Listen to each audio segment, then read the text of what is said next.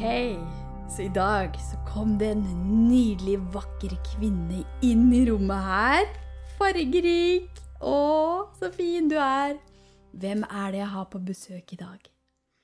I dag har du med Torunn Antonsen. Du jobber fulltid som healer og lærer for å spre healing ut i verden. Åh, Helst i alle for land. en livsoppgave!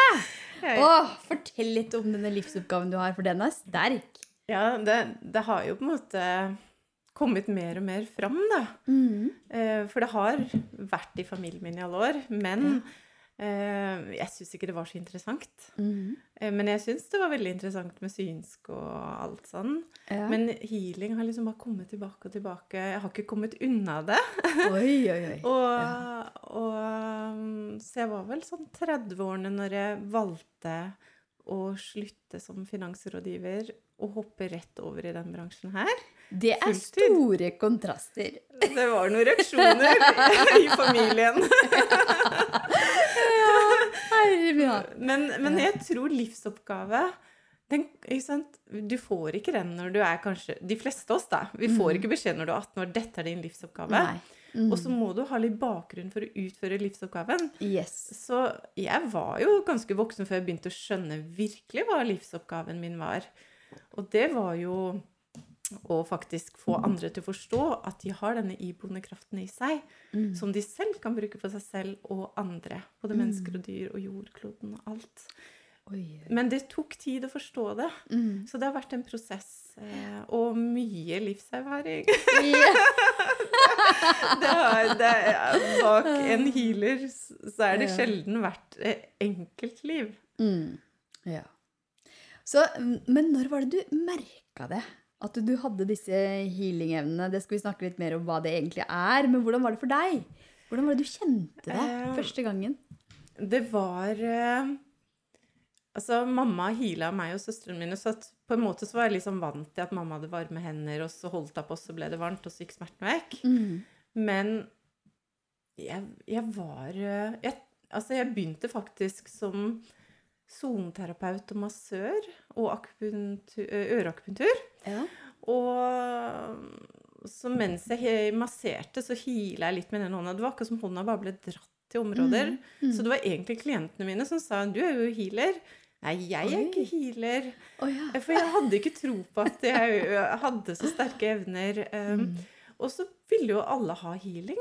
Mm. Både bedriftene jeg var på, ville ha healing. Så jeg var jo på bedrift tre ganger i uka. Jeg hadde ti stykker hver gang jeg var der. Det er interessant at det var noen bedrifter som var såpass langt framme. 22 år siden Oi. eh, jeg ble leid inn på prøve. Wow. Og så Jeg slutta nå. Jeg elska å være på den ene bedriften, men jeg har ikke tid lenger, vet du. Nei. Men eh, det har vært bare en glede. Jeg har fått lov å lære opp lederne med å bruke evnene sine, de naturlige Men hva slags type bedrifter er det? Den ene bedriften jeg var på, det var If Forsikring. Er det sant? Og da var det en direktør Ja. som eh, Jeg leide meg jo først inn som massør, Ja. men det var healingen tok jo av. Mm. Og så på Kitron så eh, Kitron er en sånn elekt Det hørtes ut som en planet. Ja. Jeg reiser tilbake til Ja. Jeg tror ikke du hadde følt helt det hvis du var der. Ja, det, men det er litt sånn eh, rullebånd og sånn i Mm. maskinparken der, da. Ja. Men der var det òg soneterapi, akupunktur og massør jeg kom inn som. Mm. Eh, og så husker jeg jeg måtte holde foredrag i kantina. Ja. Jeg turte ikke å nevne healing. Og så når jeg skulle gå, så var det så lang kø, så tenkte jeg hva er det de står i kø for? Jo, de skulle skrive seg på liste. Så da var det fullt Wow. tre måneder. Det var prøvetiden, da. Ja. Så bare fortsatte jeg, men det var jo hoppa jo over til healing. Alle ville ha healing. Ja. Og til og med helsesøster. Hun ringte meg, for jeg fikk en nakkeprolaps, for jeg masserte for mye, tror jeg. Ja. Og så jeg måtte sykmelde meg, og så ringte hun. Du, Torunn, eh, kan du ikke bare komme og ta sånn healing, da? Det er vel ikke så belastende for nakken din? Og så sa jeg healing. Ja, alle vet at du healer. og, Du måtte bare se det sjøl. og på den bedriften så har jeg også fått lov til å gjøre klarsyn og medium. Og eh, personalsjefen sa Torunn, hvor lange ventelister har du? Og nå har jeg jo i hvert fall et år. Det er egentlig ikke mulig å skrive seg på de lenger. Eh, Og så sa han OK, du kan gjøre hva du vil her, bare de ansatte føler seg bedre. Og det var jo den største bedriften i Arendal for 22 år siden. Og så har det gått litt opp og ned, men nå er de på vei opp. Men nå har jeg dessverre ikke tid. Jeg måtte velge vekk noe for å få plass til noe nytt. Men dette her er jo veldig gøy å høre, da. Fordi at eh, eh, når det gjelder bedriftsmarkedet, så kan man jo tenke at ja, det er veldig firkant, og hvis du begynner å snakke om healing og medium der, så er det veldig motstand. Men det trenger jo ikke nødvendigvis være sånn, og dette her er jo veldig gøy hvordan disse verdenene kan møtes. Og det Mm. som er, Maika, det er at um, sånn jeg kom meg inn på disse to bedriftene den gangen for 22 år siden, da, Mm. det var at um, jeg hadde klienter, og så spurte jeg alltid hva de drev med og sånn. Mm. Og så kommer du deg inn via at de legger inn et godt ord for deg. Mm. Fordi jeg hadde først sendt en mail til Kitron. Jeg tror ikke jeg fikk svar på den engang. For at de har ikke noen person, ingenting. Nei. Men så var det en som tok det opp i sånn klubbmøte. Eh, og da blei det stemt for at vi prøver hun der. Um, Ja, hun der dama eh, der. der er dama der. Og det, det har vært så mye gøy, vet du, for hver gang de har hatt um, De har hatt en del sånn kjendiser på julebord og sånn. Ja. Uh, og da syns jo han personalsjefen det alltid er så gøy å dra fram healing, da. Ja, ja, Så jeg har jo, Det har vært mange utgaver av meg på scenen, og seinest julebordet nå sist var det han Hva er det han heter? Jon Brunt Brunt øh, Vann? Eller han er en veldig morsom komiker, i hvert fall. Eh, og det kjenner du blir litt sånn varm når du plutselig skjønner at Oi, nå er det visst meg som er, han etterligner der oppe. En liten parodi på Ja. Tore. Så det er litt trist å ha slutta, men jeg er bare så takknemlig for alt det fine jeg har opplevd. Og å være en del av en bedrift og firmahytter og julebord og sommerfester og Ja. seilturer. Og, Ja, ja, ja. det, for det er jo et ensomt yrke å være healer. Ja, ja det er det jo.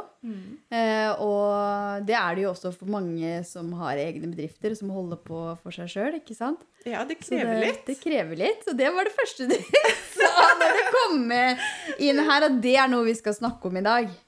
Ja. Eh, og eh, jeg har jo sjekka kartet ditt, Human Design-kartet ditt, og vi har jo begge definerte rotsentre. Eh, og det handler også om at vi altså, kan kjenne på et sånt push til å gjøre ting. Det kan være både positivt og negativt, ikke sant? Ja. Eh, men det positive med det å ha den herre Yes, dette her, nå skal vi gjøre ting. Det er jo at det skjer veldig mye òg.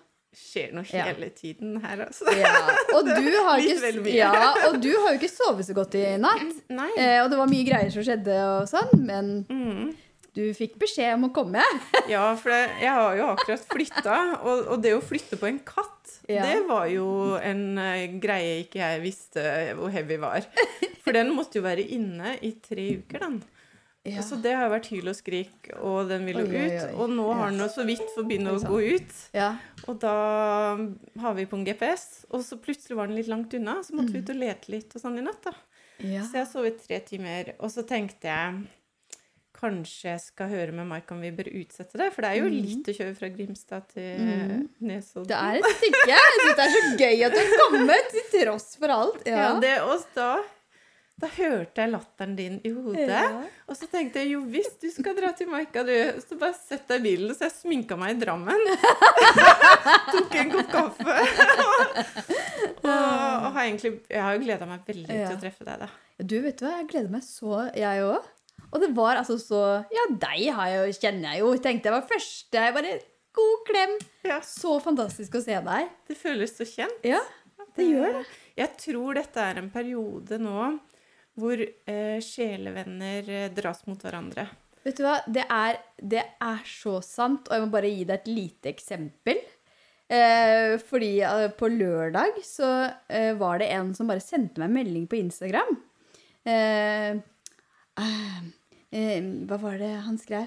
Eh, the, the force is strong in you. I recognize you. Oi, så spennende! Og så viser det seg at dette er en person som driver med mye sånn martial art. Eh, og i løpet av bare lørdagen så var det så mye lydmeldinger fram og tilbake og fram og tilbake. Og nå skal jeg dra og etter hvert besøke han. Skjønner du? Bor han i Norge? Nei, nei, nei. Bor i India. Og ja, for det var morsomt du sier det, fordi jeg fikk akkurat melding fra en, og så skre, Han ville ha healing. Ja. Hadde, det var midt i flyttinga pluss at jeg hadde covid, så Ja, jeg, ja. kunne jo Og så sa han Han bodde i Arendal. Ja. Eller han var fra Arendal, Mm. men han bodde i Australia ja. og dreiv med healing. Oi, oi, oi. Eh, og det var akkurat sånn der. Det var masse talemeldinger, og han, Ja. var, han var yngre enn meg, kanskje sånn 43 eller Ja, noe.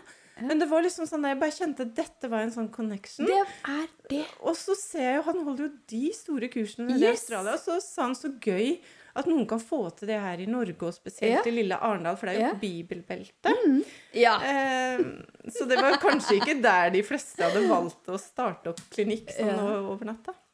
Nei, men du vet hva, dette er jo helt eh, ja, så gøy at du også opplever det. For jeg tror at eh, det her med sjelefamilien og sjeler som bare finner tilbake til hverandre, at det skjer ikke bare her i Norge. Det kan Nei. skje i løpet av et par timer på Instagram. Ja. Eh, og det jeg opplevde da, var jo at eh, herregud, så lett, da. Altså, det er jo så lett. Det er bare sånn Ja, ja, men da skal jeg dit, da.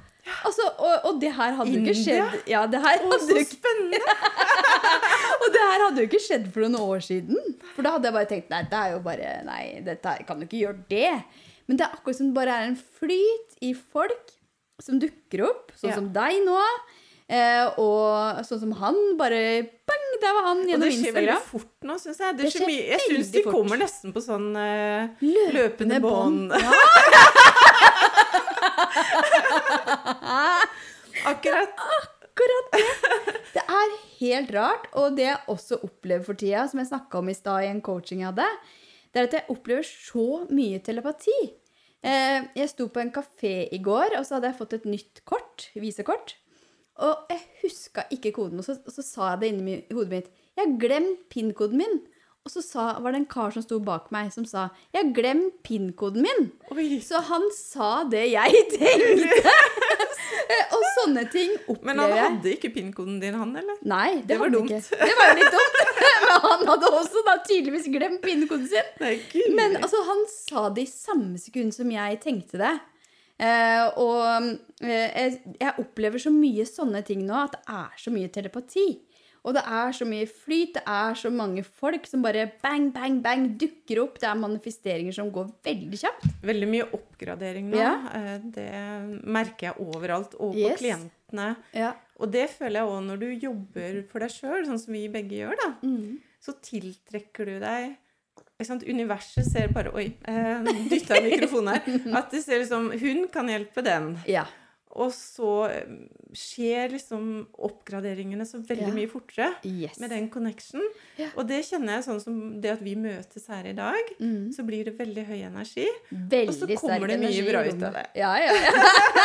Og sånn er det med alle disse møtene. Så jeg tenker det er ikke tilfeldig hvilke klienter vi har, Mm. hvilke samarbeidspartnere, hvilke elever som melder seg på kurs. ja, ja, ja. ja. Og så ser jeg de starter opp så fort sjøl. De kommer så fort i gang. Sånn Før så tok det mye mer tid. Det var 25% som tok en fagskole som starta opp. Mm. Nå er det jo startup før du nesten er ferdig med Ja. første kurs helt. Ja, Liksom. ja, ja. ja det, går, det går fortere. Det er ja, sterke energier. Herlig, Torunn. Gøy, gøy, gøy. ok, Jeg så gleder eh, meg til å høre mer av den latteren. Altså. Herlig. Så litt tilbake til pågangsmot, fordi du hadde pågangsmot i dag tidlig. Ja. Da bare OK, vi gjør det her. Ikke Vi kjører på. Vi kjører på. Så hvordan er det ellers for deg, dette her med pågangsmot? Jeg har nok et veldig sterkt pågangsmot. Mm. Og jeg har helt siden jeg var liten vært med i konkurranser og sånn, men jeg husker jo det jeg husker best fra skirenn. Har du gått på ski, du òg? Ja, jeg gikk ganske fort. Jeg, jeg tror ikke det gikk fortere enn meg, for å si det sånn. jeg var jo litt eldre enn deg, altså. jeg hadde kanskje tredd Men du, du, du satsa på langrenn? Ja, jeg gikk ni år, jeg. Wow! Eh, men det som jeg Altså, pappa Så var skitrener òg, gikk Ja. med Bente Skari. ja, ja, ja, ja. Men eh, Den gjengen der, Bente. Martinsen het hun Ja, den gangen, da. Men det, det som jeg husker best, det var at jeg, Altså, jeg har alltid vært best når det gjelder, Ja. men jeg har hatt så mye nerver i forkant. Mm, Og når du gjør ting du er veldig redd for, da har du en del pågangsmot. Ja, Så jeg tenker jo, veldig. mange av de tingene jeg har gjort, så er det mange som sier 'Hvordan Tør du det? Mm. Og da tenker jeg altså, til å ha vært så mye nerver. Prestasjonsangst er Ja. noe jeg virkelig har jobba med Mm. og tatt behandlinger Ja. for og hypnose Ja. for. jeg har jo prøvd alt. Det jeg skjønte som var nøkkelen for meg, det var mengdetrening. Men i hvert fall så har jeg har nok en medfødt sterk pågangsmot. Så jeg husker liksom de skirenna. Da husker jeg mest den pipelydene, de korte pipa, og så den lange Ja, og da Men når jeg først var i gang, da ble det gøy. ja. Men før det så hadde jeg alltid diaré og vondt i magen. Ja, ja. Og- vet du hva, altså dette er jo veldig gøy, da. Jeg eh, gikk jo langrenn, og så satset jeg på skiskyting. Jeg gikk òg innom skiskyting, men det var fordi det var så kjekke gutter. Ja, da, det var det òg! Men det var ikke bare det som var drivkraften min, altså. Nei. Men eh, der gikk det også veldig bra. Eh, men greia var at man, eh, jeg bare skrev ned et ord her, og det var eh, fokus. altså Apropos, du har jo den eh, skal skyte på blink, du må være fokusert. ikke sant? Du må puste, lære deg å puste. Ja. Inn, og så bang. Eh, og, men det fokuset, fordi jeg lærte så mye om visualisering Ja. eh, uten at jeg visste at det var det jeg dreiv med. For vi hadde jo ikke noen mentaltrenere da. Men vi hadde jo skitrenere. Men jeg må jo bare si, jeg ble aldri god i skiskyting, altså. Det Nei, nei, skal jeg innrømme. Jeg husker jeg syntes det bare var tungt tung å holde det her geværet. Så jeg hadde sånn Ja. sandsekker jeg fikk låne Ja. under og sånn. Men jeg syns det var gøy. Ja, det var noen kjekke gutter der. ja. Men det som har lært meg veldig av å drive med idrett Jeg drev jo med Ja. friidrett også.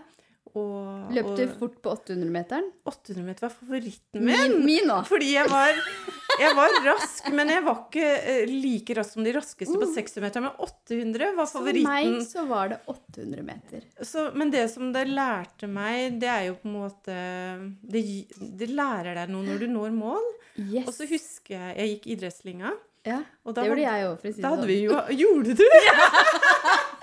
og da hadde vi jo han Kåss som lærer. Jeg tror jo oh, ja. Wow. Eh, ja, Ja. 90 av jentene i klassen var forelska i han. Det var ikke jeg da. Men nei. han var veldig hyggelig. Men han husker han ga meg den boka med Willy Railo 'Best når det gjelder', ja. hvor du visualiserer at måte, Jeg drev med svømming også en stund. At jeg bare Mm. så for meg svømmestevnet at jeg var først. ja. Så selv om jeg faktisk ikke var best, så kom jeg først. Fordi jeg hadde visualisert Jeg hadde lest den 'Best når det gjelder' med Willy Railo. Vet du hva, dette, her, dette er jo veldig spesielt. ikke sant? Visualisering. Vi har holdt på med langrenn, vi har holdt på med løping, vi har holdt på med 800 svømming. meter. Ja, Og jeg òg gikk jo på svømming. Gjorde du- Hva var du Og- best i der? Nei, altså eh, ja, Jeg var best på crawl. crawl. Ja, jeg var Ja. bryst, da. Ja, du var bryst. Men jeg konkurrerte ikke der, men jeg lærte meg å svømme. Jeg gikk på svømming. Eh, og det er jo sånn som jeg sier til mannen min, at det er liksom to ting jeg er bedre enn deg på når det gjelder idrett. For han er sånn som løper ultraløp og sånn. Yeah. Det er langrenn, og så er det svømming. For det er de tinga som jeg eh, holdt på med da jeg var liten. Eh, så, og, og jeg elsker jo å svømme. Å være i vann. Ja, det er nydelig. Ja. Så det er morsomt mye sånn felles Jeg begynte også også på svømming for å lære å svømme, og jeg Ja. må si jeg hadde jo gått ski så mange år, og pappa var skitrener, så det blei jo på en måte ganske sånn bang, bang, bang. Ja. ikke sant? Det var jo ikke noe trening jeg kunne skulke. Pappa Nei, det dro meg jo med. Vi bodde i Sina Ja. lysløypa også. Ja. Eh, Men så var jeg nok litt sånn opposisjon, så jeg begynte også på svømming, og det var ikke han så fornøyd med. Nei. Og så sa han hver gang jeg skulle svømme, så måtte jeg vaske to bad for å få fem kroner til bussen. Han gadd ikke å kjøre meg. Det var jo bare ski. Og så sa han skal du dra og ta et par ta plask på Ja. Og ja. så- men og på grunn av at han trigga meg, Ja, så ville jeg. da skulle du. Og så jeg trente og trente, og så jeg gikk fra disse her banene til For jeg begynte jo å svømme hodet over vann. Ja, ja, ja. Eh, sånn, ja, og Mm. så ble det høyere og høyere bane, og så fikk jeg være med på klubbmesterskap. Og da, av en eller annen grunn, så ville pappa komme og se på. Ja. Og jeg var fortsatt sint på han. ja, ja. Så for hvert tak så så jeg han opp på tribunen, fra under vann, Oi. og da kom jeg først. Og da slutta Oi. jeg, for da hadde jeg vist at jeg kunne Å, svømme. søren! For en utrolig kul historie. Men, ja. Oi, oi, oi. Så pågangsmot, ja. Pågangsmot og det å ha fokus, og det å liksom se også hvor man skal. Mm. For det i, i idrett, da, spesielt langrenn og skiskyting, som jeg satsa mest på, så var det jo OK å bare Det var noen ganger jeg bare så for meg at jeg gikk i mål. Ikke sant? Og at jeg hadde vunnet, og at jeg liksom sto der på pallen. Eh, og så skjedde det jo. Ikke sant? Det er gøy. Ja, så jeg tror jeg skjønte det ganske tidlig, at det var mulig å visualisere og så leve seg inn i det. Eh, og så gå på ski som om jeg allerede sto på pallen, hvis du skjønner? Ja. Og det er så viktig det du sier der, fordi i hvert fall i min bransje så er det så mange som sier ja, men Torunn, det er så lett for deg, eller ja, Ja. du er født med så sterke evner, og, Ja. og Men de skulle bare visst hvor Mm. mye man står på og aldri gir seg. Mm. Og det som er så viktig med å snakke om pågangsmot, det er jo at alle kan jo få til det de bestemmer seg for, hvis de vil nok, ja. og ikke gir seg. Mm. Så, i, altså, mm, så jeg tenker også dras vi mot det vi har talent for. Ja. Så hvis vi dras mot maraton, Mm. så fins det et talent der for maraton. Jeg dras ikke mot maraton. Nei, jeg er jo 800 meter. Ja, 800 meter. Men, ja. men sånn som med healing, så kjenner jeg at jeg dras mot forskjellige Mm. ting jeg vil utvikle. Mm. Innenfor klarsyn medium healing, eller sånn som å treffe deg i dag. Mm. Da, da skjer de tingene jeg ser for meg. Ja. Det bare skjer, og det er lett. Ja, men hvis jeg begynner å pushe på noe som det er motstand på Hvis jeg Mm. skulle begynt nå med maraton, da vil jeg ikke nok. Det Nei. er ikke det jeg dras mot. Nei, nei. Så mest sannsynlig så vil ikke jeg gjennomføre det Mm. Nei, nei, nei, for du har ikke noe sånn passion i det heller. Men det, ja, det jeg syns er trist noen ganger, det er at jeg ser at de har talentene, Mm. men de holder seg igjen fordi jeg er redd for ikke å være god nok. Ja. Og jeg har veldig ofte vært redd for ikke å være god nok, Mm. men allikevel det pågangsmotet har Eller frykten for å gå glipp av noe Ja. har vært større enn frykten for å drite seg ut eller ikke få det til. Så, så Mm. det jeg har lyst til å oppmuntre alle til at dras du mot noe, Mm. så ikke la deg holde igjen av frykten, i hvert fall. Åh, ja, og det er det jo mange som gjør. Eh, så, og, og dette pågangsmotet, da. Eh, hva, hvis du skulle gitt et sånt råd helt sånn intuitivt til de som hører på her, da. For det er jo mange som Å, jeg har lyst til å starte min egen bedrift, f.eks. Det er mange her som hører på her, som har lyst til det. Og så bare Nei, jeg tror ikke jeg gjør det likevel. Jeg Vente har, litt, har vente jo hatt sånn her skilt på kontoret mitt hvor det står 'Don't think, just do'. Ja! Ikke sant? Altså, bare gjør Ja. det. Ja. Eh, gjør det. Det er morsomt at du sier, fordi hver gang jeg skal gå på, f.eks. hvis jeg skal holde webinar eller sånne ting, eh, så er det den setningen. Bare Just do it. Just do it, Maika! Det er bare just do it. Det er, det er så enkelt Ja. som det. Og, det, og spesielt det der med å gå på en scene. Altså, jeg tror aldri jeg kommer til å slutte å være nervøs. Mm. Men det som jeg har lært meg Jeg har jo lært meg en del sånne triks opp igjennom òg, og det er nesten Ja. du kan eh, nesten sende energien opp og stå liksom og se for deg at den Ja. står og skinner, så kan du bare gå opp og inn i den energien som du allerede har sendt opp. Ja. Nydelig. Du, Du, har du satt i gang noe med min, min venstre legg nå, eller? Jeg, jeg kjente òg den begynte å dirre. Ja, det begynte å dirre. Oh my Eh, god. Dette er jo på Og det var litt spesielt når vi snakker om dette med scene og nerver og prestasjonsangst, fordi Ja. Venstre side går jo på følelsene, Yes. og den begynte å dirre. Ja, altså her det, det, Jeg kjenner at det, Eh, og så kjenner jeg også i deg, hvis jeg går tvers gjennom sola plexus og bak mellom tvers gjennom der i Ja. ryggen, så har du en liten energiblokkering, Ja. og den går også litt på det følelsesmessige. Ja, og Så- vi er jo veldig emosjonelt styrt begge to. Har jeg sett. Ja. Så det er derfor jeg lett kan kjenne det. Eh, og, og det tenker jeg at um, Derfor er det så viktig at vi prater om det med Mm. Altså, alle vi ser som går ut der og gjør ting, Mm. de har vært redde. Ja. En av de beste lærerne i verden, han sa til meg en gang Torunn, det er bare at vi har blitt litt bedre trent på å skjule det. Mm. For jeg sa, men jeg blir så nervøs, jeg blir så nervøs hver gang. Mm. Og så sa han, vi, vi bare blir trent på å skjule det. Og så Mm. er det mengdetrening. Han sa, jeg kan aldri gi deg liksom, tryggheten på å stå framme og f.eks. gjøre medium Mm. På en scene, men det er rett og slett mengdetrening. Ja. Og så blir kroppen vant til at ja, men dette er ikke så farlig. Mm. Oi, dette er faktisk litt gøy. Mm. Og så har jeg også lært meg Jeg bytter ordet eh, nerver og frykt med Jeg bytter det ut med sommerfugler og forventning. Yes. Fordi at den spenningen gir meg jo en høy energi. mm. Og jeg har jo en ganske rolig energi i utgangspunktet. Ja, Ja, Så hvis jeg skal opp på en scene, da, så Mm. Trenger jeg faktisk å ha en touch av de Mm. sommerfuglene eller forventningene, da. Ja. Å, herlig. Og jeg tenker også at det, det du sier om mengdetrening eh, Fordi når vi har holdt på også med våre egne bedrifter en stund, eh, så er det noe med at eh, OK, da har vi gjort F.eks. det å holde webinar, da, som jeg har gjort. Det har jeg gjort ganske mange ganger. Første gangen jeg gjorde det, så syntes jeg altså, syntes det var kjempeskummelt. ikke sant? Det samme å sende live på Instagram. Gjør du det ofte, eller? Ja, jeg gjør det Ja. ofte, men uh, nå skal jeg jo, har jeg jo takka ja til å ha eget radioshow i USA. Nå skal du ha eget radioshow i USA! For dette er spennende, fordi da er det et next level, next Ja. level. Og, og next level er sånn New Devil, er det ikke sant? Jo, Ja. akkurat. Det var et godt uttrykk. Og Yes. det er 28. august. Og så jeg må jo si Da kjenner jeg jo litt ekstra på de Ja. sommerfuglene og forventningene. Ja. Fordi at det er nytt. Det er Men nytt. så er det allikevel veldig likt, for at det er både filming og lyd. da. Mm. Det blir delt på masse kanaler. Ja. Eh, Men allikevel, fordi det er noe nytt, så kjenner jeg det ekstra godt i magen. Yes. Så det er, sånn det er, sånn det for ny, meg òg. new level, hva er det du Mm. kalte det? Ne new, new, new level, ne eh, new devil, tror jeg det er. Ja. Mm. Men det er jo, ja, men det er jo sånn at eh, Sånn for meg òg at eh, det der Ok, når jeg sendte live første gang på Instagram, så hadde jeg hardhjerte. Jeg Eh, kaldsvetta. ja, og jeg hadde tettskrevet ark med hva jeg skulle si. Og det verste var at mannen min kom på. Ikke sant? Det var jo Nei, du må jo ikke være her! Så, så det var Jeg syns ikke det var gøy. Og så gjorde det igjen, og jeg gru- grua meg og grua meg for hver gang.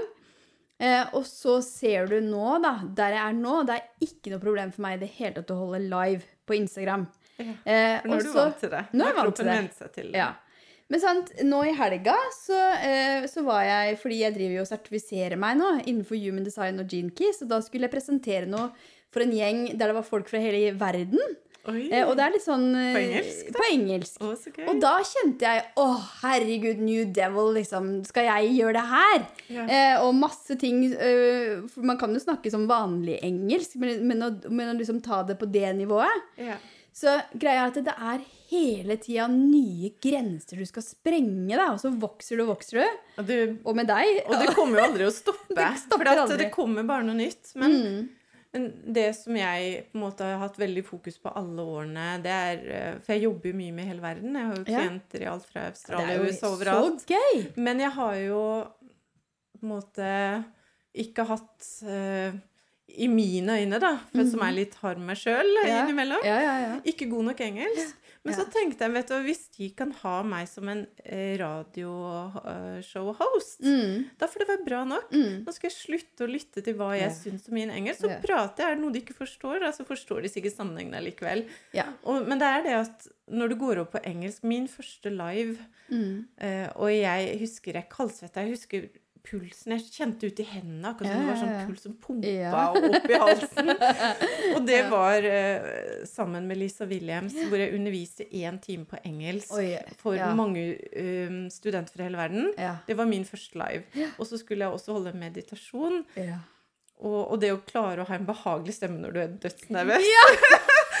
men også midt i Ja. Uh, Men i hvert fall så, så var hun fornøyd, hun. Så, Ja. Og så har det bare rulla på seg. Ja. Så det å holde eh, Vi har jo en medlemsportal, jeg og ei som kaller Mm. seg Healer, Susanne. Ja. Og det å få lov til å holde på norsk her hjemme, det er veldig enkelt i forhold for meg, da. ja, ja, ja. eh, Å holde på mitt eget språk. Men sånn er det for meg òg. Jeg har jo ikke bodd lenge i utlandet sånn at jeg kan ikke noen andre språk som flytende. Eh, så, så, for, så for meg òg så har det vært en sånn derre Det å snakke business på engelsk. Så jeg var faktisk med i en mastermind nettopp for å utfordre meg sjøl på engelsk. Det Der det bare var folk som ikke var norske.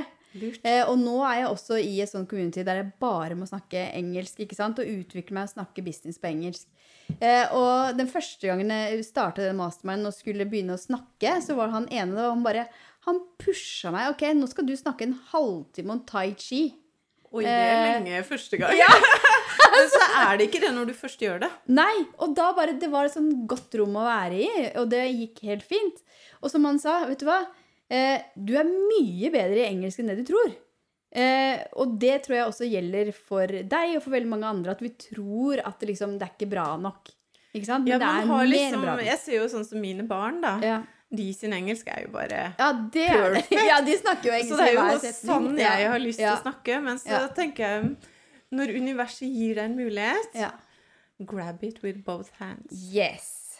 Yes. Så Så bare hopp ut i det, og så er det faktisk ikke så farlig. For det er jo sånn jeg har opplevd at det er ikke så farlig om du snubler til ord, eller at hvis ikke du kom på et ord, så kan du forklare det på en annen måte. Hva er det verste som kan skje? Ja, ikke sant? det, det, er så sant. For det er ja. sånn som Jeg har nok ikke lyst til å gå glipp av mye. og jeg tror nok at når du har en livsoppgave hvor du skal undervise og få andre til å se sitt potensial og sine ja. talenter, det er nok min hovedoppgave. Uten mm. at jeg kan human design. Ja, ja, ja. Syns det er spennende, men jeg kan det ikke. Ja, Ja, Um, som noen av elevene mine kaller meg en sånn sommerfuglutvikler. Og, og, de ga meg en sommerfuglengel, så den Oi. har jeg på kontoret.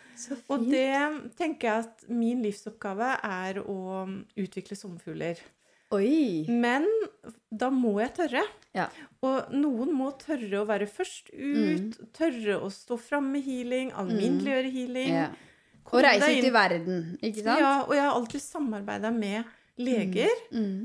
Og, og, på en måte, det er, helt, det er jo naturlig. Vi alle er jo født med mm. denne connection til uh, den kraften, da. Mm.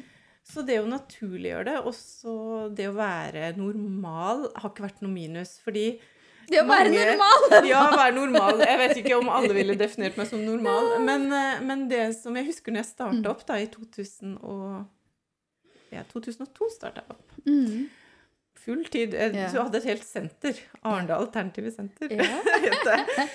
da var det mange som forventa at de skulle komme til en dame nesten med sånn der korsett og ja, krystallkule. Nå har jeg faktisk krystallkule hjemme, da. Men, eh, den er veldig fin.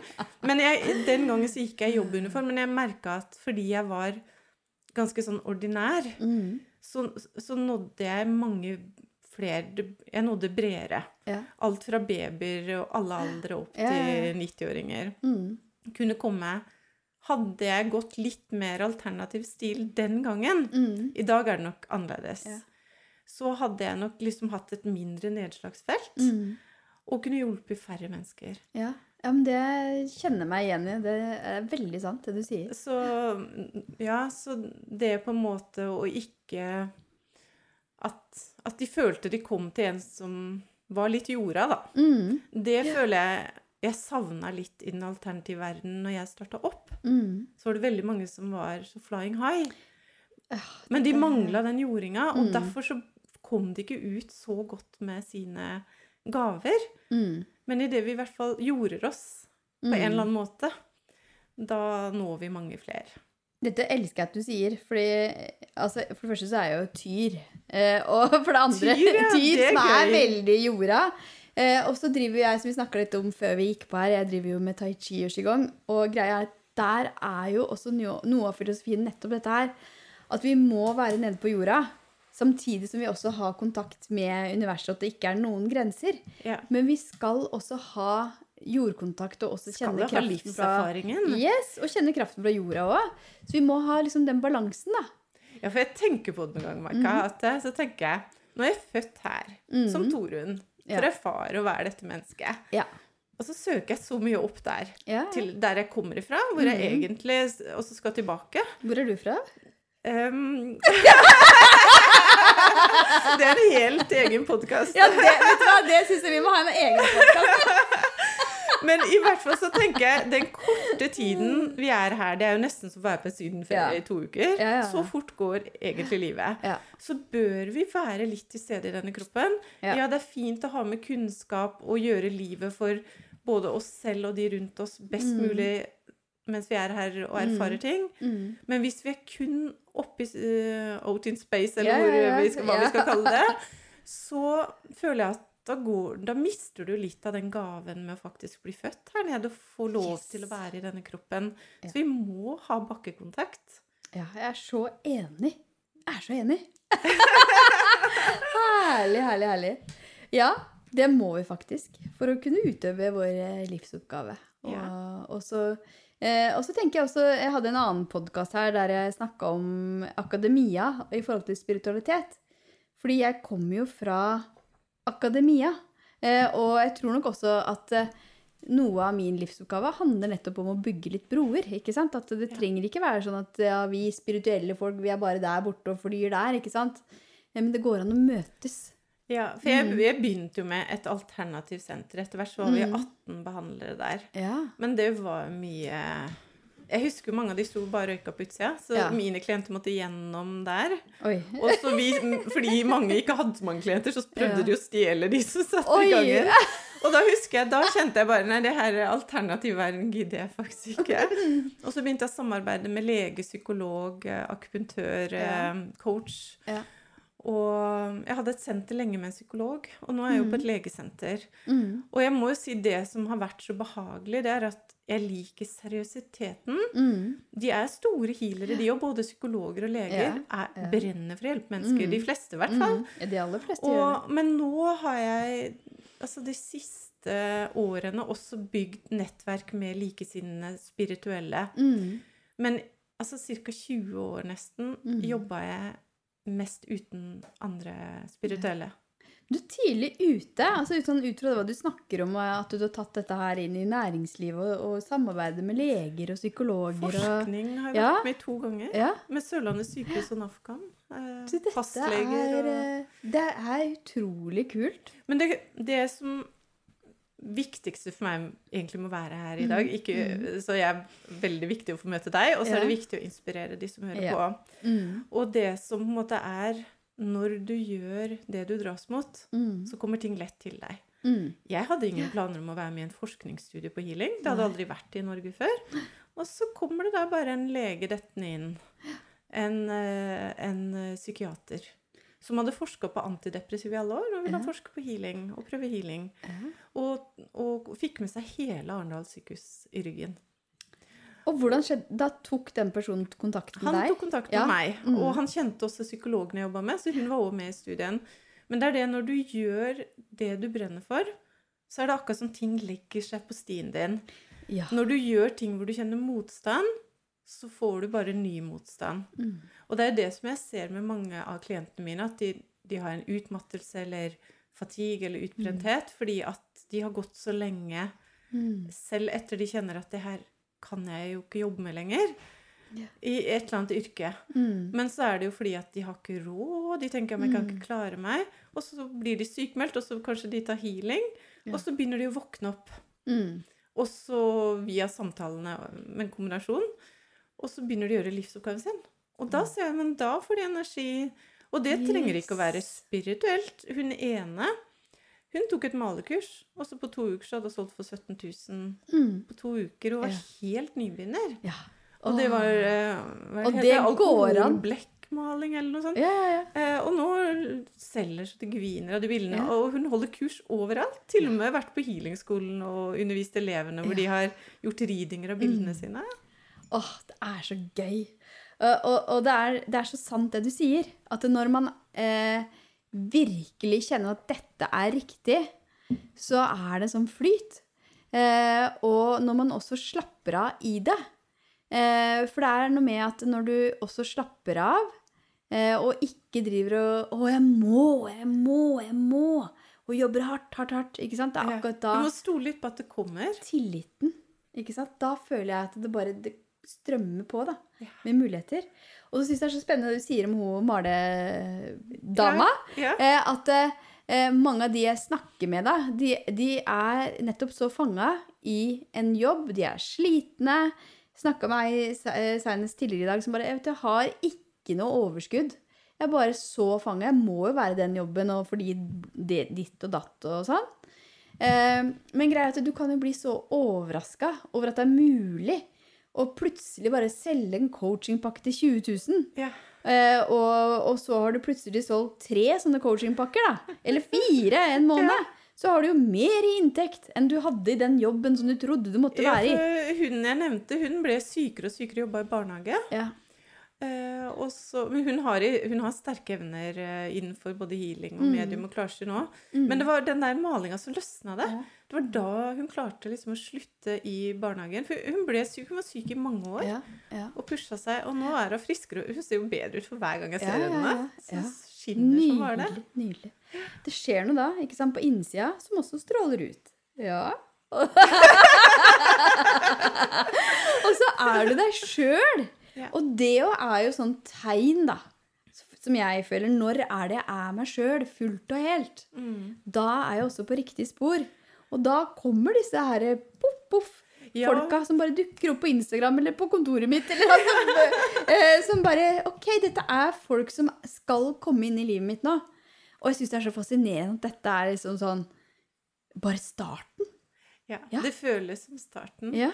Og det som Jeg husker når jeg var yngre, så følte jeg at jeg var forskjellig Torunn var forskjellig i de forskjellige rollene. Ja. Torunn var én med mamma, pappa og familie. ja, ja. Og så var jeg én i forhold. Mm. Og så var jeg en med venninner, og så var jeg en litt annen som mor.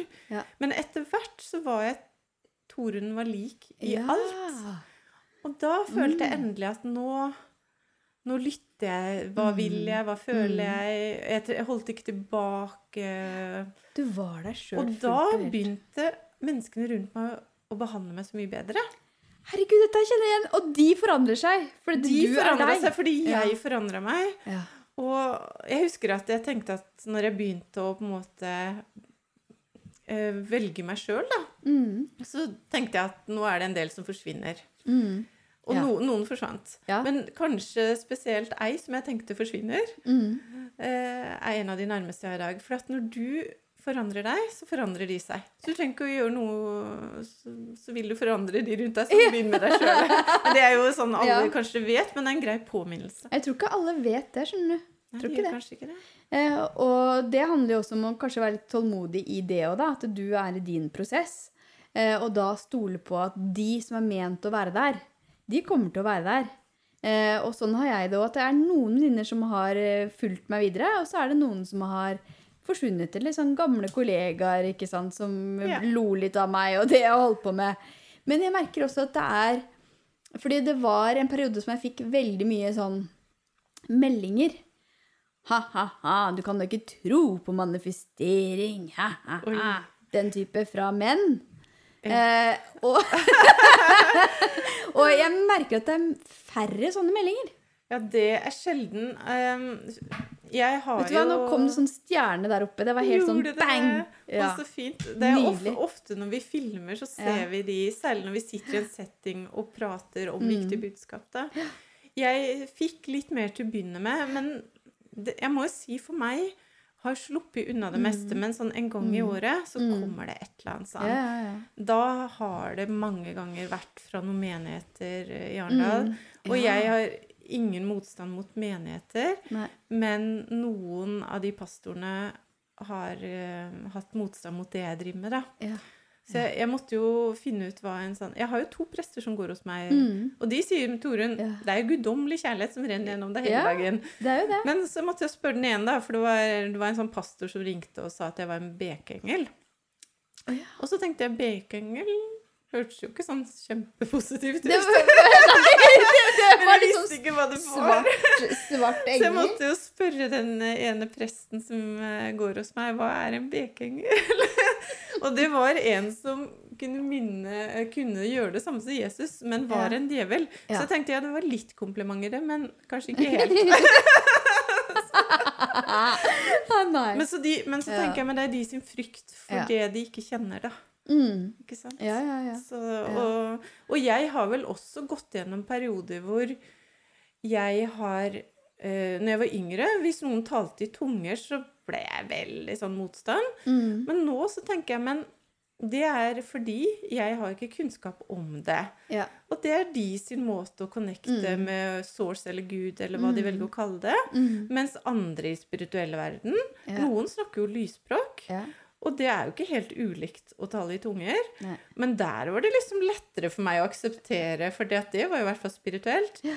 Eh, Men jeg Også, selv har ikke erfaring med å snakke det selv. Men, Mm. men du, du merker på en måte at du utvikler deg på måten du ser.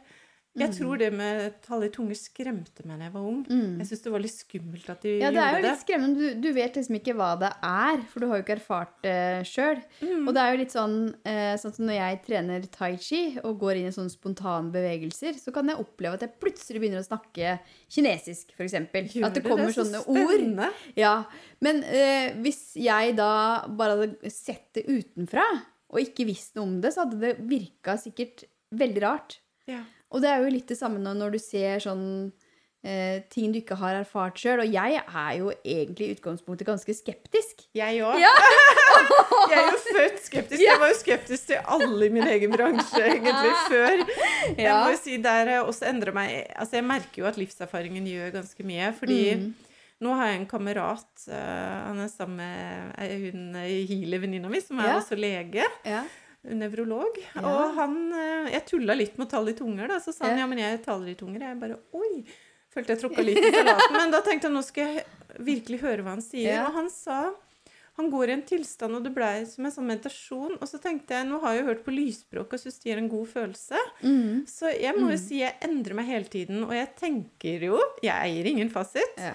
Men at alle religioner og trossamfunn på et eller annet måte er knytta til den samme kilden. Lyskilden. Men så har vi Mm. Yes. forskjellige tolkninger. Mm. Ikke sant? Så for meg så er naturen kan jeg koble meg på, mens andre må i en kirke og koble seg på. Mm. Ja, ja.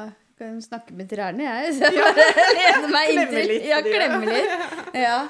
Ja, men det, det er veldig interessant. eh, og den her skepsisen min, da. ikke sant? Jeg er jo vokst opp på en gård og er fra Hallingdal. Er akademiker, ikke sant. Så jeg har jobba en del med den skepsisen. Så tenker jeg også at eh, noen ganger så er det litt sånn ja, sunn fornuft òg, ikke sant. At Ja. eh, det, er, det er litt med energi at det er, ikke, det er fortsatt ikke alt jeg tror på. Ikke sant? Jeg må på en måte kjenne det sjøl, erfare det sjøl. Eh, så eh, Høres kjent ut. ja, men den, der, den skepsisen er jo også noe som man mm, i noen tilfeller bare må gå litt inn i og kjenne litt på, og så slipper den litt, da, for da har man kanskje sett at ok, her var det noe. Ja. Eh, og sånn som med meg, da, som har Jeg har jo vokst opp med kristendom. Eh, og meldte meg ut av statskirka. Gikk veldig inn i buddhismen og det i mange mange år og vært på retreat. ikke sant? Kjenner meg veldig hjemme i tibetansk buddhisme. Det er Det føles litt- egentlig veldig sånn kjent Ja. buddhisme uten at jeg har studert det, så jeg er veldig dratt mot det. Ja, ikke sant? Så kanskje vi satt i kloster en gang i tiden sammen? Ja, jeg tror det. Så, men Jeg det har er jo kjøpt meg et tempeltre. Har du det? Planta i Oi. nye hagen min. Wow. Og det er fra sånne buddhistiske templer. Oi, De har, ja, har ja, de ja. tempeltrærne. Ja, vakkert. For jeg bare tenker sånn, sånn som med meg når jeg vokste opp på en gård i Hallingdal. Jeg vokste opp med at det er naturlig med kristendom. Eh, og så plutselig ganske ung alder da eh, begynner å studere, eller kommer over da buddhismen. Eh, og begynner å studere det og har vært på noen retreat og sånn. Eh, og føler meg veldig trukket mot det. Så er jo det også litt sånn rart, siden, man- siden jeg ikke har vokst opp med det. Ja. Men det jeg har opplevd nå i det siste, for jeg har opplevd å få kontakt med Gabriel Har du Veldig sterk kontakt. Så fint. Eh, og, eh, og det var etter en sånn periode der jeg måtte gjennom sånn, eh, litt sånn renselsesprosesser med noen gamle mønstre, eller en sånn liten død, da, som jeg snakker om på en annen podkast. Med Harald, for deg som hører på. eh, så, og da fikk jeg eh, oppleve å møte da den energien. Eh, og så var jeg plutselig i en gammel stavkirke, og plutselig så la jeg meg ned på gulvet fordi at jeg skulle se opp i taket, og da så jeg rett inn i øyet på Jesus. Oi, Så, så, det er, eh, som du sier, da, at det er et eller annet med at eh, det er noe som stemmer egentlig i alle religioner. Det er en sånn felles kraft som er veldig kraftfullt. jeg ser sant? for meg nesten som Mm. en sånn sol av lys som er bare den høyeste lyste frekvens, Yes. som er ren kjærlighet. Mm. Og så ser jeg for meg hver solstråle går ned i hvert eneste menneske. Mm. Men så er det litt forskjellig åssen vi kobler på eller tolker det eller Mm. forstår det. Og, Ja. Og så er det veldig viktig at ingen av oss har fasiten. Og det er Det ikke er meningen at vi skal ha den, for da Ja. hadde vi ikke fått denne livserfaringen vi skal Ja. ha. Og det skal jeg innrømme litt sånn i starten av min spirituelle oppvåkning, så trodde jeg at jeg kunne alt. Eller at jeg visste Nei, at jeg at jeg, Du, hør på meg! Jeg vet det, jeg. Ikke sant? Og så, og så prøvde jeg å fortelle om det til folk rundt meg. Du føler Som, sånn i begynnelsen Ja. man vet alt. ja, ikke sant? Og så skjønner du at du vet veldig lite. Ingenting. Og du eh, eh, Og det å liksom prøve å prakke på andre og være spirituell eller se på meg, jeg kan det, og det her er sant, det er jo veldig lite spirituelt, egentlig. Ja, absolutt. Men, men, Mm. men det var veldig typisk. Sånn var jeg når jeg begynte. Og at jeg tenkte jeg bare forstår alt, jeg. Ja. Og også hvor mer jeg lærte. For jeg begynte å reise til et slott i England som heter Arthur eh, Finlay College. Oi. Som er som et Harry Potter-slott på Du, jeg ekte. har veldig lyst til å reise rundt i England til sånne Ja, slott. Det tenkte jeg på her i må sommer. du dit. Ja. Og det er for alle nivåer.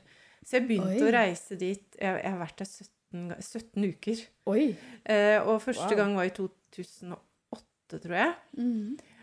Og nå mista jeg egentlig hva vi snakket Ja, om. jeg, altså, jeg bare så for meg at vi var på et slott. Men, men det var som å komme sånn der Harry uh, Potter-slott på ekte. Men da var det første gang jeg begynte å skjønne hvor lite jeg kunne. Ja, det var det jeg Ja. skulle si. Ja.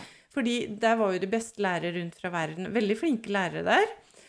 Eh, og da, når de begynte å snakke med sin kunnskap, Mm. da skjønte jeg hvor lite jeg faktisk forsto. Ja. Og det var da det virkelig begynte å Og da ble jeg jo helt sånn Det var som å komme hjem. Mm. Det var fra å føle meg veldig aleine den tiden jeg starta. Så jeg tror Ja. ikke jeg hadde ei venninne som var spirituell når jeg starta. Mm. Mm. Nå er jo alle jeg kjenner uh, Ja. høysensitive eller spirituelle eller gjør Ja. livsoppgaven sin.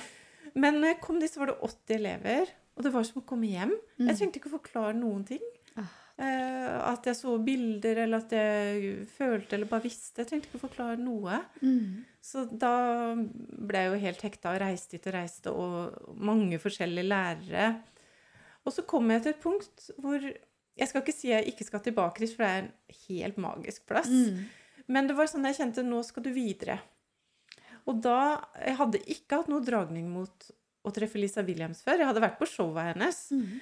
Og så plutselig så, så kom det opp et kurs i England. En liten by langt inne i Gok. Ja. hvor hun skulle. Og så sendte jeg en mail, for jeg trodde ikke jeg var på det nivået da, som de skulle være på, for det var veldig advanced nivå. Så fikk jeg mail at eh, jeg var der, så jeg kunne komme, da. Så plutselig så ble jeg dratt mot det, men det var jo fordi at Lisa For det første så ble jeg møtt av henne med kjempeklem, akkurat som med deg. Oi. Det var som å møte deg på utsida her. Så Ja. var det møtt Lisa. Det var jo bare en gammel kjent. Ja. Og så har Hun er vel den som har pusha meg mest ut av komfortsonen, Mm. så jeg kunne vokse. Og det var akkurat som på Slottet så kom jeg til et visst nivå. Så jeg var pusha nok av det de gjorde der. Mm. Så måtte mer. Og da dukker de riktige da folk opp. dukker de opp. Og så Ja. sa hun Og da husker jeg sleit jo litt med engelsken. Og så sa hun har du lyst til å være en av mine håndplukka lærere på min verdenskjent skole. Jeg bare Med min engelsk? Eh, no problem. Eh, ok. Og da tok jeg ett års utdannelse, og hun det var lekser hver dag. Det er tøff skole jeg har gått, egentlig. Jeg er ikke så skoleflink i utgangspunktet. Mm. Det er ikke det jeg syns er gøyest. Men, men da pusha hun meg så mye at det meste andre ble jo lett å gjøre her hjemme, da. Men hun har vært en kjempe For at du må ha noen som kan se potensialet ditt, og Mm. hjelpe deg litt å tørre. Og det er jo det du gjør, Maika. Ja. Du ser potensialet, og så pusher du de. Mm. Og vi har jo noen felles eh, For det vet jeg fordi at klientene mine har fortalt at vi bruker også Maika som coach. ja, og det, det er visa versa. Og, og da har vi pusha de samme, begge to. ja, vi har Og da starter de jo opp både det ene og det andre. Ja, ja, ja. Så det er kult. God match. Men, Ja. men du har nok et supertalent Mm. med å pushe folk i gang. Det er den manifestorenergien vet du, i Human Design. Det Er eh, my mission. Det er faktisk å være en sånn startkabel. Ah. Eller som bare får folk til å Rakettfart. Oi, jeg Så- kan jo ikke så mye om human design. Jeg bare syns det høres skikkelig spennende ut. Og nå har, jo, nå har du jo lært meg litt om mitt eh, Ja. Uh, På en måte sånn i forhold til min livsoppgave. Mm. Følte du at det stemte med det human designen? Ja, altså nå har jo ikke jeg gått inn og sett på ditt livstema enda, da. Kjære deg. Nei. Det var ikke så kjapt gjort, meg. Jeg, har, jeg så bare helt overordna på kartet ditt og energisentrene dine. Eh, Så, men jeg gleder meg til å se mer og dykke mer inn i det. Også du finner veldig mye rart, Jeg tror jeg masse snacks. Men det som er veldig gøy, er å se på eh, For jeg har en sånn magisk bok som heter Book of Destinies. Oi. Og den er jo kobla på eh, human design og det som på en måte er ditt livstema. da.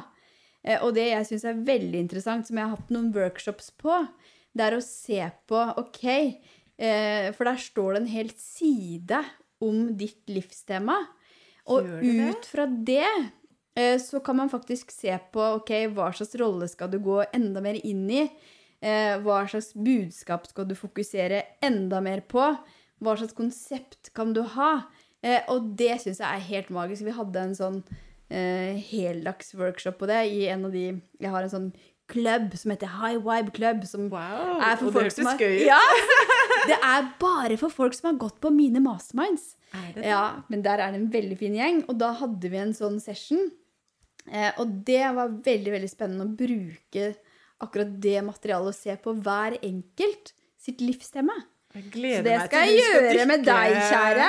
Det, det må jeg si, sånn når du jobber med å hjelpe Ja. mennesker hver dag og gjøre healinger og readinger og medium og sånn, Mm. så er det innmari gøy å være klient og kunde. Ja, ja, ja, ja. Eh, Så, Mm. og, og det der med å faktisk tillate å ta imot litt sjøl òg, for det var jo noe jeg ikke var flink til. De første årene som healer så ble jeg jo utbrent. Mm. Jeg klarte ikke å si nei. Jeg jobba lørdag og søndag kvelder. Og så ble jeg jo selvfølgelig utbrent, da. Mm. Og det var jo fordi at du skal jo ikke gi mer enn du fyller på. Nei, nei, nei. Eh, og jeg, jeg var alenemor med to Ja. barn og en rottweiler og hus og firma, oi, oi. og jobba og jobba. Eh, det ene barnet var jo sykt i noen Ja. år også. Ja. Eh, men så Idet jeg stoppa opp og begynte å tenke at nå skal jeg ta Det var veldig vanskelig å være klient de første gangene. Mm. Mm. Det var nesten så jeg begynte å gjøre en reading på terapi... Ja, ja, ja. terapeuten min. Ja. For jeg var så vant til det. At jeg må gi noe. Ja. Men det å faktisk Nå, nå elsker jeg sånn å få lov å ha en reading Ja. av f.eks. Lisa. Mm. Eh, eller kollegaene kollegaen min Healer Ja. Susanne. At vi kan liksom gi hverandre noe. Mm. Det er så innmari viktig å ha noen sånne gode folk rundt seg. Eh, og enten det er liksom eh, folk som kan gjøre en reading eller litt healing på deg, eller bare Mm. gjøre en behandling, eller bare en du kan spare med, da. Ja, for Ja. fas altså, ingen har fasiten din, og du kjenner inni deg når det er riktig det en terapeut forteller deg, Mm. eller en coach. Mm. Men veldig ofte når du tiltrekker deg de du skal gå til, så, så sier de akkurat det sjelen din Det er akkurat- trenger for å, at det klinger, og så begynner det å skinne. Det er Ja. liksom å skru på en sånn Ja. lysbryter. Ja, det er det. Og det, ja. da trenger vi noen andre sånne lyssjeler noen Mm, ganger for å mm. skru på lyset. Fordi at innimellom så blir det litt sånn dimma. Ja, og så er det jo, selv om vi har kontakt med sånn som jeg har kontakt med gamle mestere og hjelpere og guider, Ja. så må vi også ha eh, litt sånn som vi snakka om i, i, i stad, det mer sånn jordiske, ikke sant? Disse her eh, menneskene som vi kan snakke med, og som vi kan bli holdt av. Husker du hva jeg som? Grine med. Ja, og grine le. med, og le, grine og le og alt. Og eh, greia er at når man har en sånn rolle, da, som både du og jeg har, der vi jobber med mange, eh, og eh, så er det også så viktig å huske at vi også trenger å bli holdt. Ja. Vi gjør det. Og det er lett å glemme noen ganger. det er, og jeg hadde en sånn periode nå i vinter der jeg eh, hadde glemt litt. eh, ikke sant? For bare, ja, ja, men jeg skal bare, skal bare. Og så var det ei som sa til meg Maika, hvem er det som holder deg for tida? Og bare, oi, Den ja, traff den. den traff, da traff den veldig. Da begynte jeg å tenke litt på det. Eh, og, men, og jeg er jo en som har veldig få rundt meg. Men det er veldig gode folk. Ja. Ikke sant? Du trenger jo ikke så veldig mange. Mm. Men de som skal være der, det skal være gode mennesker gode som ønsker deg godt, Ja. og som jubler når du lykkes, Mhm. og holder deg Ja. når du har nedturer. Ja, det er så viktig. Så så viktig. de må være ekte. Ekte folk. Mm. Ja, Som du kan være helt åpen og ærlig med òg. Om både nedturer og oppturer og alt. Og det følte at eh, det var så lett å komme inn her. Ja. Her var det liksom sånn hele rommet ærlighet. Og det minna meg om sånn serum da jeg var ung, som hvor de hadde sånn sannhetsserum. Ja. Jeg vet ikke om du er Alle gammel som kommer på å podkasten, de Ja. snakker sant! Jeg vet ikke om du er gammel nok til å huske det. Det var eh, De hadde sånn sannhets, sannhetsserum som de spraya på folk, Ja. og da gikk det jo ikke an å si noe annet enn sannheten. Nei, ikke sant. Ja, jeg har det her. Det var det du fikk Ja, det var litt sånn ærlighetens rom. Ja, det er ærlighetens rom. Herligheten og ærligheten. Herregud, Så gøy, så gøy. Men Torunn, la oss snakke litt om eh, For i stad så dukka det opp en bok eh, som jeg har snakka litt om før. Jeg husker ikke om jeg snakka om den her på podkasten, men jeg har snakka om den inni programmene mine innimellom. Fordi jeg var i San Francisco for noen år siden, ganske lenge siden. Og da var jeg i en sånn bokhandel. Sånn, med sånn, du vet sånn bokhandel som lukter sånn Ja. deilig bøker. Det er magisk. Åh, jeg elsker sånne bok, eh, bokhandlere. Eh, og da var det sånn Jeg bare så én bok, og det var den You Can Heal Your Life Ah, med Louis Hay. det var den første boka jeg leste, og da var jeg 16 år. Min Oi. første spirituelle bok. Så mamma var jo interessert i sånn, så hun hadde den hjemme. Ja, for da hadde jeg akkurat kommet, da hadde jeg lest litt Eckhart Tolle. Og så var dette her det neste som bare lyste mot meg inni den der bokhandelen der. Ja. Og eh, eh, det er litt sånn som vi snakka om i stad, dette her med det naturlige. At eh, vi har jo alle muligheten til det. Og noen er jo mer i kontakt med healing-evnene sine. Eh, eh, men vi har jo muligheten til å utvikle det. ja. Og det er Altså, alle mennesker Du kan ta inn hvem som helst fra gata og lære det healing. Mm. Alle kan få Ja. til. Ja. Men så er det litt sånn som med musikk. Alle blir ikke Mozart, Nei. eh, selv om de trener mye. Ja. Eh, Så har du et medfødt talent Mm. for f.eks. healing. Alle kan som sagt lære seg å overføre healing og gjøre, hjelpe verden der ute. Mm. Men hvis du har et medfødt talent, så er det ikke nødvendigvis at du bare har en åpenbaring, og så bare er du den store healeren. For meg så var det trening, trening. Det er akkurat som å bli god på ski. Mm. Beinhard trening. Ja. Og det til å begynne med føler jeg på en måte at den kanalen er som et sugerør. Mm. Jeg ser liksom for meg sånn lite nydelige krystaller som går gjennom kronesjakra på toppen av Mhm. hodet. Ja. Og gjennom hodet og toucher hjertet, og så Mhm. stråle ut av hendene. Ja. Og hvor mer du trener på å la den kraften gå gjennom deg og stråle ut, enten til deg selv eller andre, Mm. så utvider den kanalen seg. Mm. Og når du utvider den, så går den aldri tilbake. Så det er mange som sier ja, men jeg stengte da jeg var 25. Så sier jeg du har ikke stengt av, du har tatt Ja. en pause. Ja. Det går Ja. ikke tilbake. Nei. Så du har utvikla, og så Mm. kanskje det kommer eh, at du får, velger å få barn, og så tar Mm. livet ditt kanskje 10-15-20 år Ja. med hvor du er mamma og høyt tempo. Og så er det tid for å utvikle seg igjen. Mm. Så for meg så ser jeg dette her nydelige krystallrøret som er reint. Mm. Og så er det jo det at vi har jo alle et team av guider og hjelper og connection med engler rundt oss. Jeg har sett egentlig avdøde og guider og engler siden jeg var liten. Da var det veldig mange som la det på at jeg bare hadde god fantasi, så det gjorde jeg selv også. Mm. Så jeg var 25 Eller ja Før jeg skjønte at de jeg så, faktisk f.eks. var døde mennesker. Ja. Og da ble jeg veldig redd. Ja. Så prøvde jeg å stenge av og sånne ting. Men så meldte jeg meg på et mediumkurs, og da lærte jeg jo at de kommer jo med kjærlighet. Ikke sant? De er Mm. kjærlighet. Og da var jeg ikke redd lenger. Og da utvikla jo dette her eh, krystallrøret seg. Å, herregud, men nå er det så sterk Ja. tilstedeværelse her. det er veldig sterk Oi, energi. oi. Jeg følte det ble veldig krystallenergi. Ja. Og så er det at det som er veldig viktig at de som lytter, fokuserer på. For det er jo forskjellige frekvenser av energi, Mm. både i mennesker og i universet. Ja. Jeg fokuserer bare på lys, høyfrekvent energi, og da tiltrekker jeg meg lys, høyfrekvent energi. Og det er så viktig. Så når jeg var Mm. ung, så hadde vi jo sånn um, Hva er det heter? Wicca-board? Ja, ja, ja. Det fikk ja. vi jo ikke lov til. Nei. Men vi kunne det jo ikke. Mm. Så vi tiltrakk oss jo kanskje ikke alltid Mm. energi som var noe nyttig for oss å få beskjed fra, i hvert fall. Vi mer ble det her handler jo om intensjonen du Ja, setter, ikke sant? Men hadde ja. jeg hatt en som hadde sagt du, det her kan vi gjøre, Mm. men vi må åpne opp med å connecte med høyeste, Mm. lyste frekvens, bare god, be om god veiledning, ja, Mm. så hadde det kunne svart veldig fint. Mm. Men vi ble jo vettskremt, Ja. særlig ene venninna mi, for vi spurte liksom hvem er forelska meg, så fikk vi forskjellige navn på noen Ja, av ja, gutta ja. på ungdomsskolen. Og så skulle venninna mi spørre hvem er forelska meg, og så svarte den jeg. Og, og da ble hun vettskremt. Eh. Så hun var hjemme fra skolen i to uker.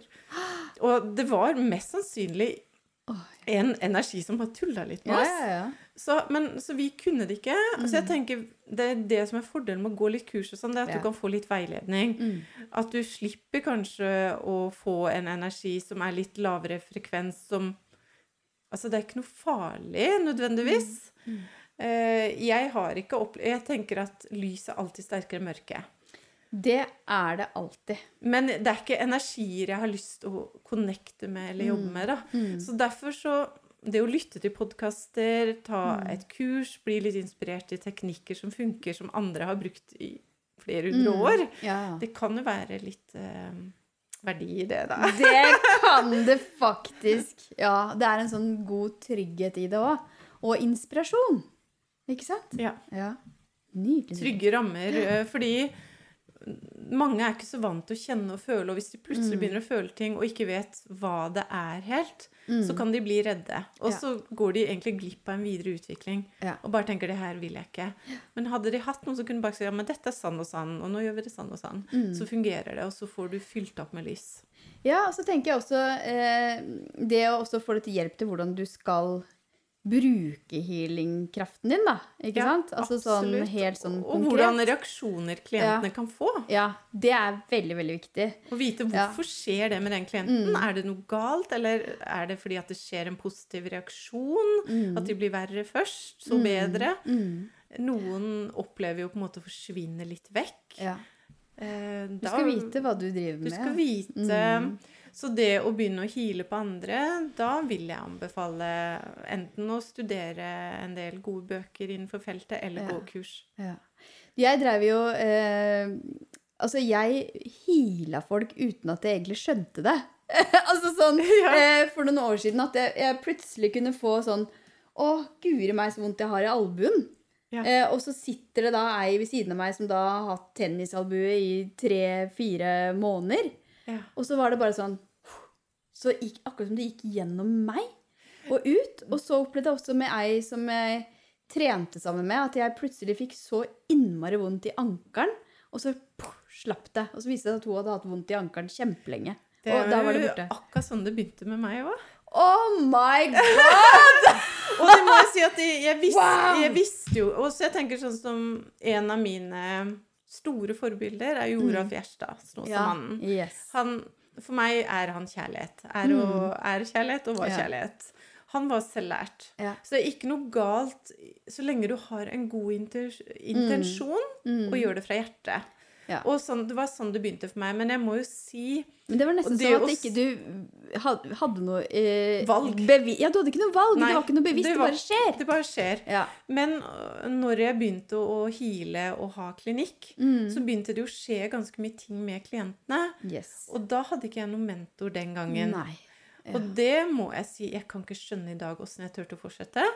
Men det var jo fordi at noen ganger så skjer det at de kan få mer smerter i et døgn fordi de jobber i en skade med å korrigeres. Kraften. Altså healing-kraften er jo høyeste, reneste Mm. eh, intelligens. Ja. Så den vet hvor den skal. Mm. Så jeg, jeg vet i dag at så lenge jeg har god intensjon, så kan ikke jeg gjøre noe galt. Mm. Eh, men jeg skulle hatt en mentor som kunne veileda meg litt den gangen. Ja. Og det er det jeg brenner sånn for å, å lære bort ofte de tingene som jeg selv ble skremt av. Mm. Jeg skjønner ikke den dag i dag åssen jeg fortsatt noen ganger. Jeg hadde jo tenkt å slutte i hvert fall en gang i året. Så tenkte jeg nå slutter jeg. Ja. Men dagen etterpå så skjedde det alltid en stor opplevelse Mm. for at jeg skulle forstå at du skal gjøre det her. Det er Du skal utrette en forskjell. Mm. Du skal jobbe som healer. Wow. Og så åh, Det er så spennende det du sier om Snåsamannen, fordi vi har Jeg er jo fra Hallingdal. Eh, og der er det ei som eh, Hun blir kalt for Kjeringi. Kjeringi. Eh, og der er det mange jeg kjenner som har vært eh, og fått hjelp av henne. Så hun har noen sånne eh, krefter, healing-krefter. Eh, og så var jeg der, eh, og så sa hun bare Nei, men du kan jo bare ta med deg en krakk, og så setter du inntil ei furu. Ja, det må være furu! Men du kan gjøre dette her, du òg. Du har det i det. Hun hadde jo helt rett. Ja, eh, og sett det under den furua 20 minutter hver dag. Ikke gran, ikke bjørk. Det må være furu. Så da gjorde jeg det i en lang periode, at jeg tok meg en krakk. Eller hvis ikke jeg hadde det, så bare lente jeg meg inntil furu. Og da begynte jeg å kjenne den kraften eh, som bare eh, pulserte, da. Eh, fra, det var så mye healingkraft i det treet som bare gikk gjennom meg òg. Eh, og da begynte jeg å forstå at ja, men dette er noe som er helt sånn naturlig i meg. Ja, og Mm. vi har jo Det er så spennende det du sier med tre, for jeg har ikke prøvd så mye furu, så jeg tror man kjenner Da må du prøve furu! Fordi eh, normalt sånn Hvis jeg trenger litt påfyll, og jeg er jo i naturen hver dag, Ja. så bare peiler jeg ut det treet Ja. som ser mest kraftfullt ut, og så er det Mhm. bare å holde på det. Ja. Og så kjenner jeg akkurat det du beskriver. Det bare strømmer gjennom deg. Det er helt fantastisk. Mm. nå Mhm. skal jeg prøve Nå skal du prøve furu! Men, men det, for det første så så hun potensialet ditt. Men så er det Mhm. noe jeg må si til deg. Det er healing kommer i mange former. Er Og du har healing med dine ord. Mm. Så jeg føler, og nå får jeg frysninger i Å, hele kroppen. Ja. Så det at du nå bruker ord og Mm. når ut til mennesker Mm. overalt, også på engelsk nå, Ja. det, Mm. da healer du. Mm. Å, guri, nå ble jeg skikkelig Så, rørt. så hvis du skal holde på ett og ett menneske, så vil du kunne hjelpe veldig få i forhold til din livsoppgave. Ja, ja. Så jeg tenker det var en aktivisering hvor du Mm. kunne skjønne at ja, men jeg har disse evnene. Ja. For de er jo helt natur... Du har nok medfødt veldig Mm. sterke naturlige Mm. gaver. Mm. Eh, men jeg tror også Min erfaring er at f.eks. de som melder seg på healingskolen, det, de dras ikke mot det, de som ikke har talentet. Mm. Ja. Så jeg, jeg, må jo, jeg blir jo imponert hvert år. Så tenker jeg hvert år ja, dette er de beste elevene. Så neste år så nå er de beste elevene. Og så i år så har jeg en ny gruppe, så nå er det de beste. Men det er jo fordi de som melder seg på en sånn type skole, Mm. har jo et medfølt talent. Ja. Hvis ikke så hadde ikke de dratt mot og satt av helger nede i. Arendal. Nei. Nei, du bare må, ikke sant? For Du blir så akkurat den skolen liker jeg å ha sånn fysisk, at de skal få lov også å kjenne og hands on healing. Mm. Mm. Jeg underviser jo healing eh, over hele verden online, men healingskolen, Mm. den er litt sånn den for meg har vært så viktig at vi også skal ha det møtes fysisk, da. Ja. ja, men du, det er så viktig. Så, og, det, og spesielt nå etter pandemien og sånn, at det er liksom noe som Mm. folk virkelig ønsker, da. Ja, så er det en ting til når det gjelder healing, at alle andre terapiutdannelser, Mm. så kan du litt eh, kropp også. Mm. Og ingen krav til det i Norge. Du Mm. trenger bare et vekstkurs, eh, etikk- og moralkurs, og, for å være godkjent healer. Mm. Og jeg følte veldig for at jeg vil at healer skal bli tatt seriøst. Mm. Derfor starta jeg en fagskole hvor vi også har anatomi, og jeg har leger som underviser der. Eh, og det er akupunktør som underviser alle hovedmeridianene, fordi Mm. energisystemet vårt, det syns jeg en healer bør kjenne til. Ja. Eh, Så jeg er nok en litt sånn streng at jeg, vil ha litt krav til denne eh, gruppen eh, Mm. terapeuter også. Mm. For det Mm. er det til alle andre. Så jeg håper jo på sikt i Norge For nå har vi jo moms på Mm. healing. Mm. Så håper jeg at de som tar fagskole, etter hvert at de sorterer at de blir momsfri, for da er det en fagskole. Mm. At vi må ha seriøsitet for å nå ut, og for å bli akseptert også innenfor sykehus. Og jeg vil at folk skal, som får kreft, f.eks., kan ta imot det beste innenfor kreftmedisin Mm. som fins i verden. Ja.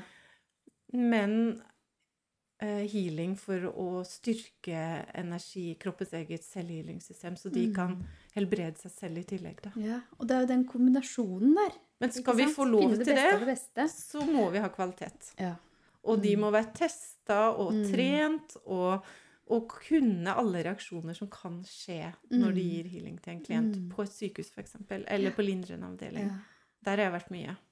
Lindrende og få lov til å være der eh, når de er på sine siste dager. Det er vakkert og smertefullt. ja, men, ja, og det er jo ja, veldig, veldig vakkert òg. Mm, og en vakkert. veldig sånn rik erfaring. Ja, for Mm. ofte er det jo kanskje noen som har kommet når de har grad fire med full Mm. spredning, og så har det Mm. vært smertelindring og gitt indre ro i tillegg. Og at de får energi til å kanskje leve litt lenger. Mm. Også når de er på lindrende, så ringer gjerne familien og sier de ønsker healing. Mm. Og mange av de er jo redde. Redde for å dø. Ja, ja, ja. Og så ser jeg, så tenner vi lys, og så når begynner healingen, så blir alle rolige. Mm. Og de som, det er jo ikke alle som er redde, noen er jo rolig, men da har jeg tenkt den dagen jeg skal ligge og vente på å dø, hvis Mm. ikke det skjer fort, da. Ja. Med meg skjer jo alt litt fort. Eh, så, men men det måtte, da kunne jeg Mm. veldig gjerne ønske at noen kunne komme og gi meg healing. ja. Eh, For det er så mye lys i det, Ja, overgangen blir lettere. Ja, og trygghet. Mm, og så Mm. er det det at når du gir healing, så er det akkurat som de er mer connecta med begge dimensjonene. Mm, mm. Sånn at nesten overgangen bare Mm, lettere. det lettere, lett, lettere. Mm, roligere. Du får en uh, sterk livsoppgave du har, Torunn. Jeg er veldig takknemlig for at jeg får lov til å jobbe som Ja. healer, og for det at andre har tillit til meg, da. Mm. Det betyr mye. Du har lyst til å fortelle litt om uh, visjonen din? Altså, har du en veldig sterk visjon, visjon der framme? Ja, så min visjon, det er um, at det skal ut uh, spesielt i alle legesentre og sykehus i hele verden. Oi! Syns du den var stor?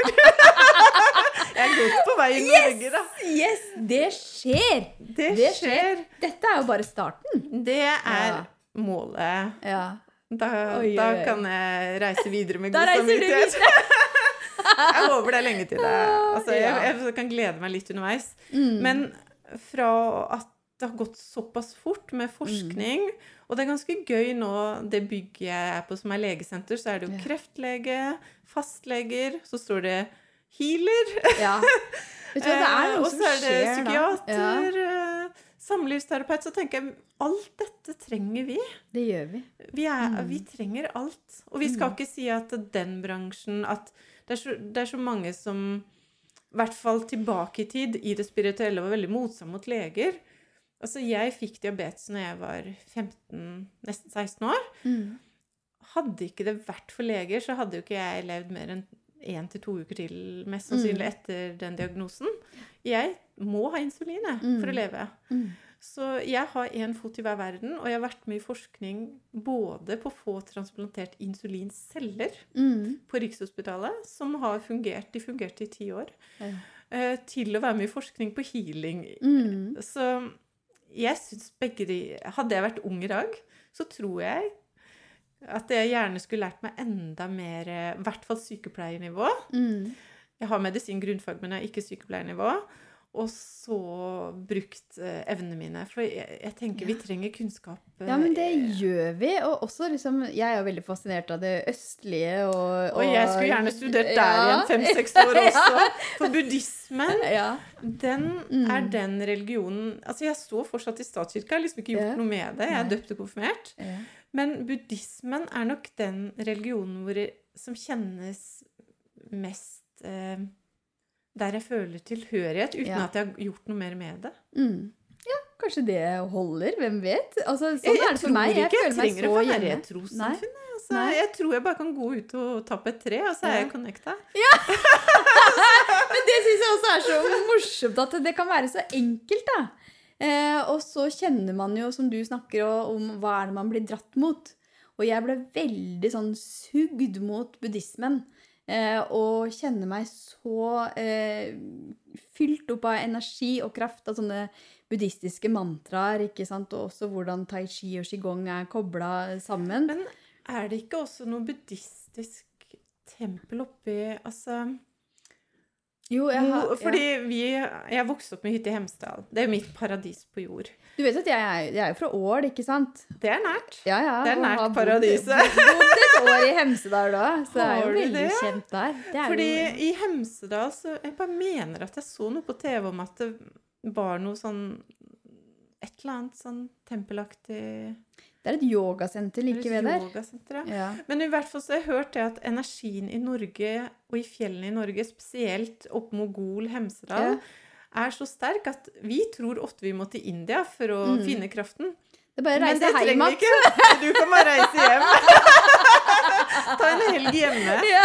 Men det må jeg si Jeg har jo en sånn favorittfjelltopp i Hemsedal som heter Putnaklanten. ja, der har jeg vært, veit du. Har du det? Med det korset på ja, toppen? Og det er jo veldig morsomt navn. Og han Ja.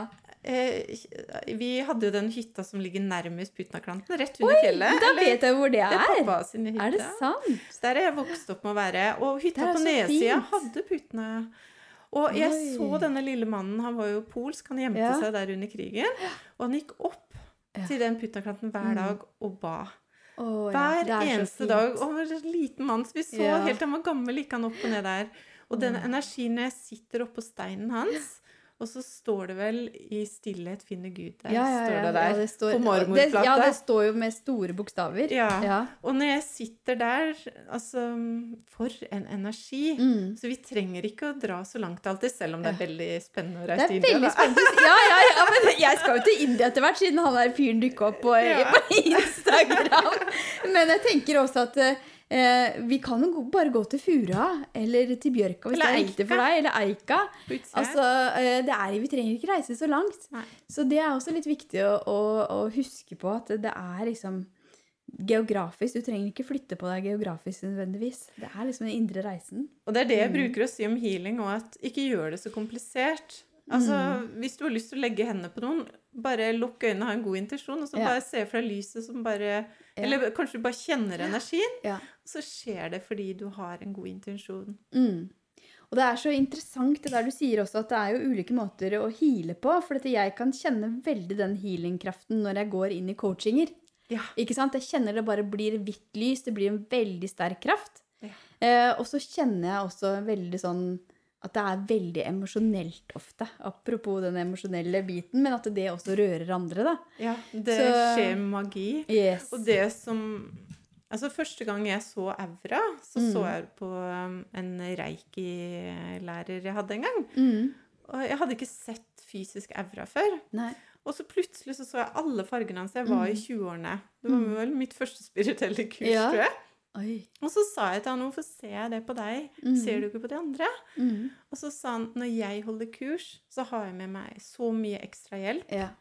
ja. At derfor blir aurafeltet lysere. Mm. Og så hører jeg mine På healingskolen så sier de at de ser så mye, og de ser guider og hjelpere rundt meg, og Mm. lys og farger.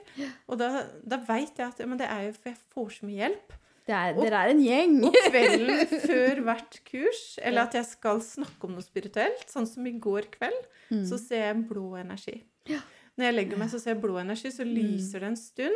Og da veit jeg alltid at da er de med meg. Mm. Så i går kom det blå lyset fordi jeg skulle til deg. Oi. Og det er jo det Oi, som skjer når du holder kurs. Ja. Det er at du har dine guider, og jeg tror også det kommer inn ekstra Mm. De henter inn ja, ekstra ekspertise. Mm. Så når du står og underviser, Mm. så sier du noen ganger ting som du ikke var klar over at du kunne. Ja, og Det er det, kanalisering. er så sant. Og det er så mye tillit som jeg er i nå, eh, og som har kommet mer og mer. Så jeg trenger ikke å forberede meg så veldig. Fordi at jeg har bare så tillit til at det som skal komme, det kommer. Det hørtes være i- kjent ut. Ja. Samboeren min sier jeg skjønner hvordan du kan holde 18 timers undervisning med fem punkter. Men jeg sier guidene er med meg. Men, eh, men det er, jeg, jeg har en plan, og det eneste jeg trenger Det har han heldigvis endelig skjønt nå, da. For det er at dagen før jeg underviser, eller hvis jeg skal undervise på kvelden, Mm. så må jeg være i naturen av stillhet, for da kommer informasjonen. Ja, ja. Det er min forberedelse. Før satt jeg med PS og hadde manus, men jeg klarte jo ikke å lese opp fra det. Nei, men dette er jo helt Kjenner meg så igjen. Eller bare sitte og pugge eller øve liksom eh, på videokamera. Det var sånn jeg gjorde det før. Ja. Eh, Nei, Men nå er det bare ikke slappe noe av. Slapp av. Ja. det går helt fint. Det hender så jeg har sånne ja. her gule Ja. Jeg òg. Og så noen stikkord. Ok. Ett eller to eller tre stikkord. Da vet jeg at ok, dette her går helt fint. Og så har jeg ofte en stund sammen med hun venninna mi som henger på veggen der. Det er Kuan Yin. Så vi har ofte en sånn Det tar jeg meg alltid tid til å stå og snakke med henne. Være i den energien og bare mm, Ja, gjøre mantraet hennes om Mane Pemong. Og så Hvordan Kjenner kom du i kontakt med henne? Vet du hva? Em, eh, jeg eh, lærte mantraet hennes da jeg studerte buddhisme. Eh, om Mani Pemong, om Mani Pemong. Og så skjønte jeg ikke helt koblingen em, til denne her gudinnen Kuan Yin. Men eh, når jeg begynte å trene tai chi, så er det sånn at på Qigong-senteret så er det en sånn statue av Kuan Yin. Oi. Eh, og så var vi og trente, jeg og flere andre og læreren min, eh, Harald. Og så plutselig så var det akkurat som at det, jeg blei bare dratt mot Kuan Yin. Eh, og så eh, var det akkurat som at det bare Det er jo en statue, altså hvis du ser det utenfra, men det, Ja. for meg så var det en energi. Så jeg bare lå, og plutselig så gikk hendene mine bare rundt statuen. Og så lå jeg der og grein og grein og grein. Det var sånn Du connecta så Ja. med hennes Ja. kraft. Yes. Og hun er jo sånn, hun tar jo ver alle verdens tårer, blir det sagt. Og- Så eh, for meg så var det en sånn veldig så forløsning. Også fra helt klart at jeg gikk tilbake til et tidligere liv der jeg hadde mista, hadde lidd et stort tap. Veldig sånn klart. Eh, så jeg forløste sånn gammel sorg. Så jeg lå der lenge, og jeg har aldri grinet på den måten. Det er liksom veldig spesielt. Det er nesten så jeg føler du slapp sorg over mange liv i Yes. den uh... Yes, det gjorde jeg. Og det var, det var altså sånn bunnløs sorg. Eh, og bare grein og grein. Jeg var helt hoven. Ja, så, så det var veldig sterkt. Og etter det så har vi bare Ja, vi har hengt Så har hun sammen. vært med deg. Men nå skjønte jo jeg For dette er jo et buddhistisk smykke. Ja, det er derfor du hadde på deg det i dag. Fordi dette sminket har ikke jeg brukt på flere år. Altså, jeg, jeg, tror jeg, jeg tror det var i 2019. Ja. Og så har det ligget i en skuff, og så har jeg flytta så fant jeg den. Men jeg har liksom ikke følt for å bruke det. I dag fikk jeg bare beskjed om nå skal Ja. du ha på det. Så tenkte jeg, men det passer jo ikke fargen her. Nei, nei, Men men jeg det skulle ha det på, men det er jo buddhistisk Ja. med Det er jo sånn langt smykke, egentlig, Ja, som jeg har tatt to ganger. Ja, det kan du sitte med i meditasjon. Ja. Ikke sant? Det er derfor jeg skulle ha på det i dag. Ja. Å, vet du hva? Så nydelig! Men du, eh, Torunn, eh, dette blir den lengste podkasten til nå. På denne. Er det sant? Har vi snakka så lenge? Vi har snakka i 90 minutter. Har vi? Ja. Eh, og vi har jo bare så mye mer å snakke om. Så vi får se om eh, du må komme tilbake og snakke om noe annet. så bare sånn for å oppsummere litt nå, da. Hva, hva tenker du at er den røde tråden i det vi har snakka om nå? Hva er det viktig at folk tar med seg? det viktige er at man må gjøre det man dras mot. Mm. Og at man må ha pågangsmot. Yes. Og la den passion for det du har lyst til, komme foran frykten. Fordi når du dras mot noe, så har du et supertalent der. Mm. Og verden trenger å se det talentet. Ja! Å, vakkert! nydelig. Da tenkte jeg på den sangen eh, 'Født til å skinne'. Nydelig, nydelig, nydelig. Det er det vi er. Vi er, er født her for å skinne Mm. i forskjellige frekvenser og i forskjellige toner. Ja. Og ingen tone eller lys er feil. Vi er helt perfekt ut fra vår livsoppgave, det vi er født med. Mm. Så vi skal ikke være som noen andre, for det er ikke det som er vår livsoppgave. Vi har akkurat fargene og frekvensen og Mm. tonene som passer til vår oppgave. Guri malla, så poetisk. Så ikke Så sammenligne poetisk. seg med andre, for da blir det det alltid nedtur. Ja, det er så sant. Se deg selv. Mm. Så Torunn, hvor eh, finner folk deg? Hva er det som skjer nå framover? Og hva Ja, det skjer, skjer, skjer masse spennende. Mm. Eh, Torunantonsen.com. Ja, der kan man gå inn og Der kan du mer. gå inn. Mm. Og så kommer det jo radioshow eh, i USA Ja, nå 28. august. Så da Ja. håper jeg mange har lyst å Det skal jeg høre på. se på Mm. eller høre på. Ja. Og det, det kommer mange spennende kurs. Og jeg og Lisa William skal ha en turné i Norge. Hvor vi er i. Arendal, Oslo og Bergen. Så det blir Wow. først enten i begynnelsen av 2024 eller på høsten. Det er ikke helt satt. Mm. Ellers er det mange Så driver jeg jo en medlemsportal Ja. For alle nivåer. Du må bare ha en liten forståelse av, av healing, og at du har kraften i deg. Mm. Så alt dette finner du på hjemmesiden min. Åh, det er masse herregud. muligheter til å gå kurs der. Er så timer er litt vanskeligere å få Ja. Mm. akkurat nå. Mm. ok! Å, du, herlig, altså. Fantastisk energi. Så sterk energi. Det har Herlig. vært så fint å være her, Maika. Ja, Tusen takk for at jeg fikk komme. Ja, det var så fint at du kom. Så åh, dette blir nydelig å høre på, du. Jeg bruker aldri Ja. å høre på podkastene, men denne her skal Nei, jeg høre på. Den skal du høre på. Denne her skal jeg høre på. Helt Gleder klart. meg. Ja. Ok.